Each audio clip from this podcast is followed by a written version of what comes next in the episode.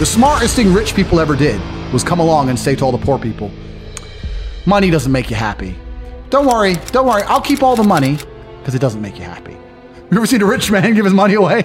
No, they say money doesn't make you happy. You keep slaving away for minimum wage. I'll stay over here a millionaire, but I'm not happy, so don't worry. Don't be jealous. ሰሞነኛው የዓለማችን ተፈላጊ ሰው ማን ነው? ደራሲና ጋዜጠኛ በዓሉ ግርማ በ1970ዎቹ መጀመሪያ ላይ ባሳተሙት መጽሐፍ ዝና ሞላጭ ነው ቢሉም ዘንድሮ ግን አንድ ስም አልባ ናጺ የተጠበበበትን ሕንፃ ማስታወቂያ የሚሰሩ ቀበጦች ቱጃር ይሆኑበታል። ሰሞነኛው የምድራችን ተፈላጊ ሰው በቅርቡ ትሪሊየነር እሆናለሁ በማለት እነ ኤሎን ማስክን እነ ጄፍ ቤዞስን በፍርሃት እንዲርዱ እያደረጋቸው ነው። ይህ የዓለማችን ተፈላጊ ሰው ማን ነው? የኋላ ታሪኩስ ምን አይነት ቢሆን ነው? ዛሬ ምን አለው? ነገስ? የሚሉ ጥያቄዎችን ይዘን ከምናብ እልፍኝ ወደ እናንተ ክቡራን ታዳሚዎቻችን ልናደርስ ዝግጅታችንን አጠናቀናል። የእኛ ሽልማት like፣ share፣ subscribe እንዲሁም comment በሚሉ ቁልፎች ላይ ስለሆነ እነርሱን እየነካካችሁ ተከታተሉን።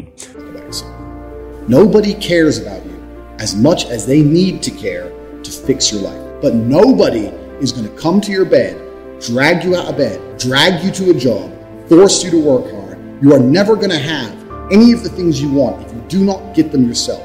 The only person who's going to make me happy and live a life that I want to live is me. ሰሞነኛው ተፈላጊ ሰው አንድሪው ታቴ ይባላል። ዜግነቱ ከአትላንቲክ ውቅያኖስ ማዶና ማዶ ነው። ሲደላው አሜሪካዊ፣ ሲመቸው እንግሊዛዊ ይሆናል።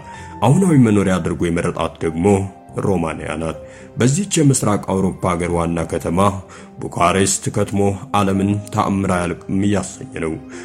በቅርብ ቀናት ውስጥ የዓለም ጣቶች ጉግል የሚሰኝ መፈለጊያ ላይ የሚጽፉት ስም የእርሱ መሆኑ በማስደነቅ ላይ ይገኛል።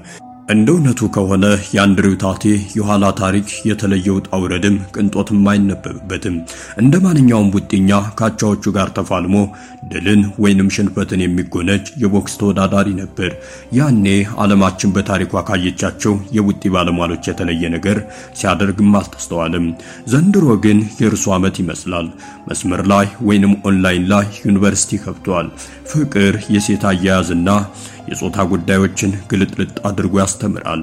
በዚህ የሰው ልጆች ስስ ብልት በኩል እየኮረኮረ የ Hustler University በሚለው የትምህርት ተቋሙ በኩል የማይነጥፍ ገንዘብን ያልባል። ደግሞ ነገር አሳማሪ ወይም ኮሚታተር ቢጤ ነው። ሁሉን ላስረዳችሁ ማለት ይቀነዋል።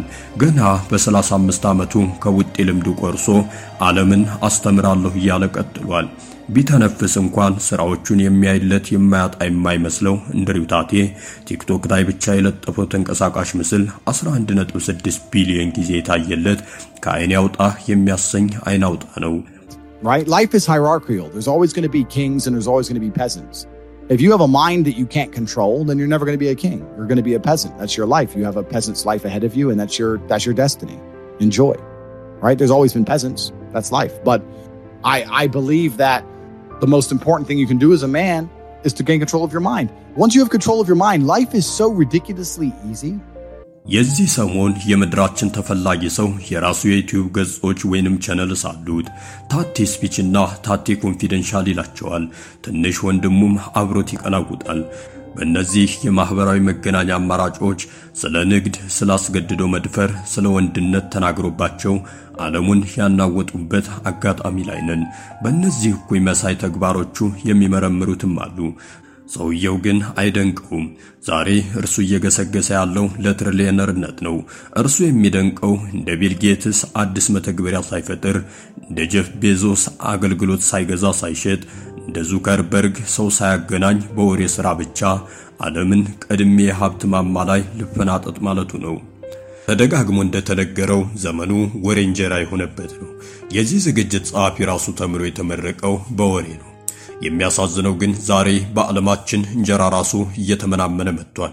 የሚወራ እንጂ የሚበላ በእጅጉ እየጠፋ ይመስላል።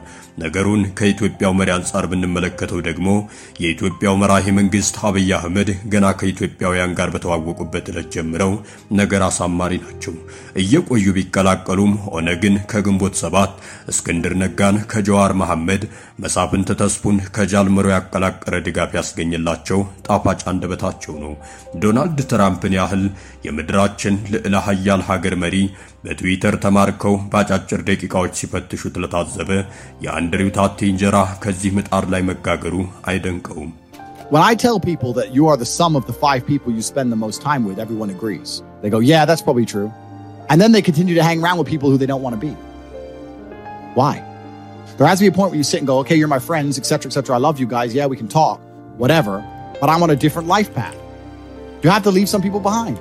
If you were to come hang around with me and my crew, you would be self conscious. And that self consciousness would motivate you, or they would certainly instill the discipline required for you to change. You don't feel self conscious amongst your peers. That's why you don't change. ዝነኞችን ጨዋታ ወደ ኢትዮጵያ ካመጣ ነው አይቀር ለመሰናበቻ እሸቱ መለሰ የሚባልን ተፈላጊ ባላገር በተመለከተ ዳግም ወርቁ የሚባል ጸሐፊ ኢቢኤስ ከ10 ዓመት በላይ የገነባውን ዝና ሰይፉ ፋንታሁን ከ15 ዓመት በላይ ያተረፈውን እውቅና በሁለት ዓመት ያሳካ ወጣት ባለ ሁለት digit ሚሊዮነር ሲል ያስነበበውን አንቀጽ እንመርቅላችሁ። በመጀመሪያ በ34 ዓመት ድንቅ ተአምር ባለሙሉ ተሰጥኦ እንደሆነ መመስከር እችላለሁ ብሎ ይጀምራል። ዳግም ይቀጥልና በሁለት ዓመት ውስጥ በዶንኪ ቲዩብ እና እሸቱ መለሰ ቲዩብ ለንጽጽር እንዲጠቅማችሁ ያህል ኢቢኤስ 10 ዓመት በላይ የገነባውን ዝና ሰይፉ ፋንታሁን ከ15 ዓመት በላይ ያተረፈውን እውቅና በሁለት ዓመት ብቻ በላቀ ጥራት በመብለጥ በኢትዮጵያ የመጀመሪያ የዩቲዩብ ስኬታማ ወጣትና ባለ ሁለት digit ሚሊዮነር የሆነ ወጣት እንደሆነ ታውቃላችሁ እያለ ይጠይቃል። ዩቲዩብ እና ሌሎች እጅግ ስመጥር ድርጅቶች በብዙ ሚሊዮን የሚከፍሉት እሸቱ ከአርባ በላይ ሰራተኞችንና ሚሊዮኖችን የሚያወጣ መኪና የሚነዳ ትልቅ ፎቅ ተከራይቶ ወደ ስቱዲዮ የቀየረ ወጣት ነው። መንገዶች ሁሉ አልጋ ባልጋ ያልሆኑለት እሸቱ ብዙ የተዘጉ መንገዶችን ከፍቶ ሰባብሮ እዚህ ደረጃ ላይ በአጭር ጊዜ ደርሷል። እሸቱ እጅግ በጣም ኢትዮጵያን አፍቃሪ ነው። ፍቅሩን በተግባር በየፕሮግራም ዝግጅቶችና እርዳታዎችን እንዲሁም መረጃዎችን በማሰባሰብ በማስተላለፍ በማስተባበር ለሕሊና ንጹሕና እጅግ ሰብአዊ ስራን የሚሰራ የሚመሰገን ወጣት ነው።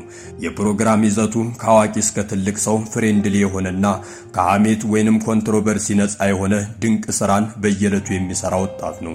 ነገ ዓለምን እንደሚዞር ሀገራችንን እንደሚያስጠራ ምናለሁ።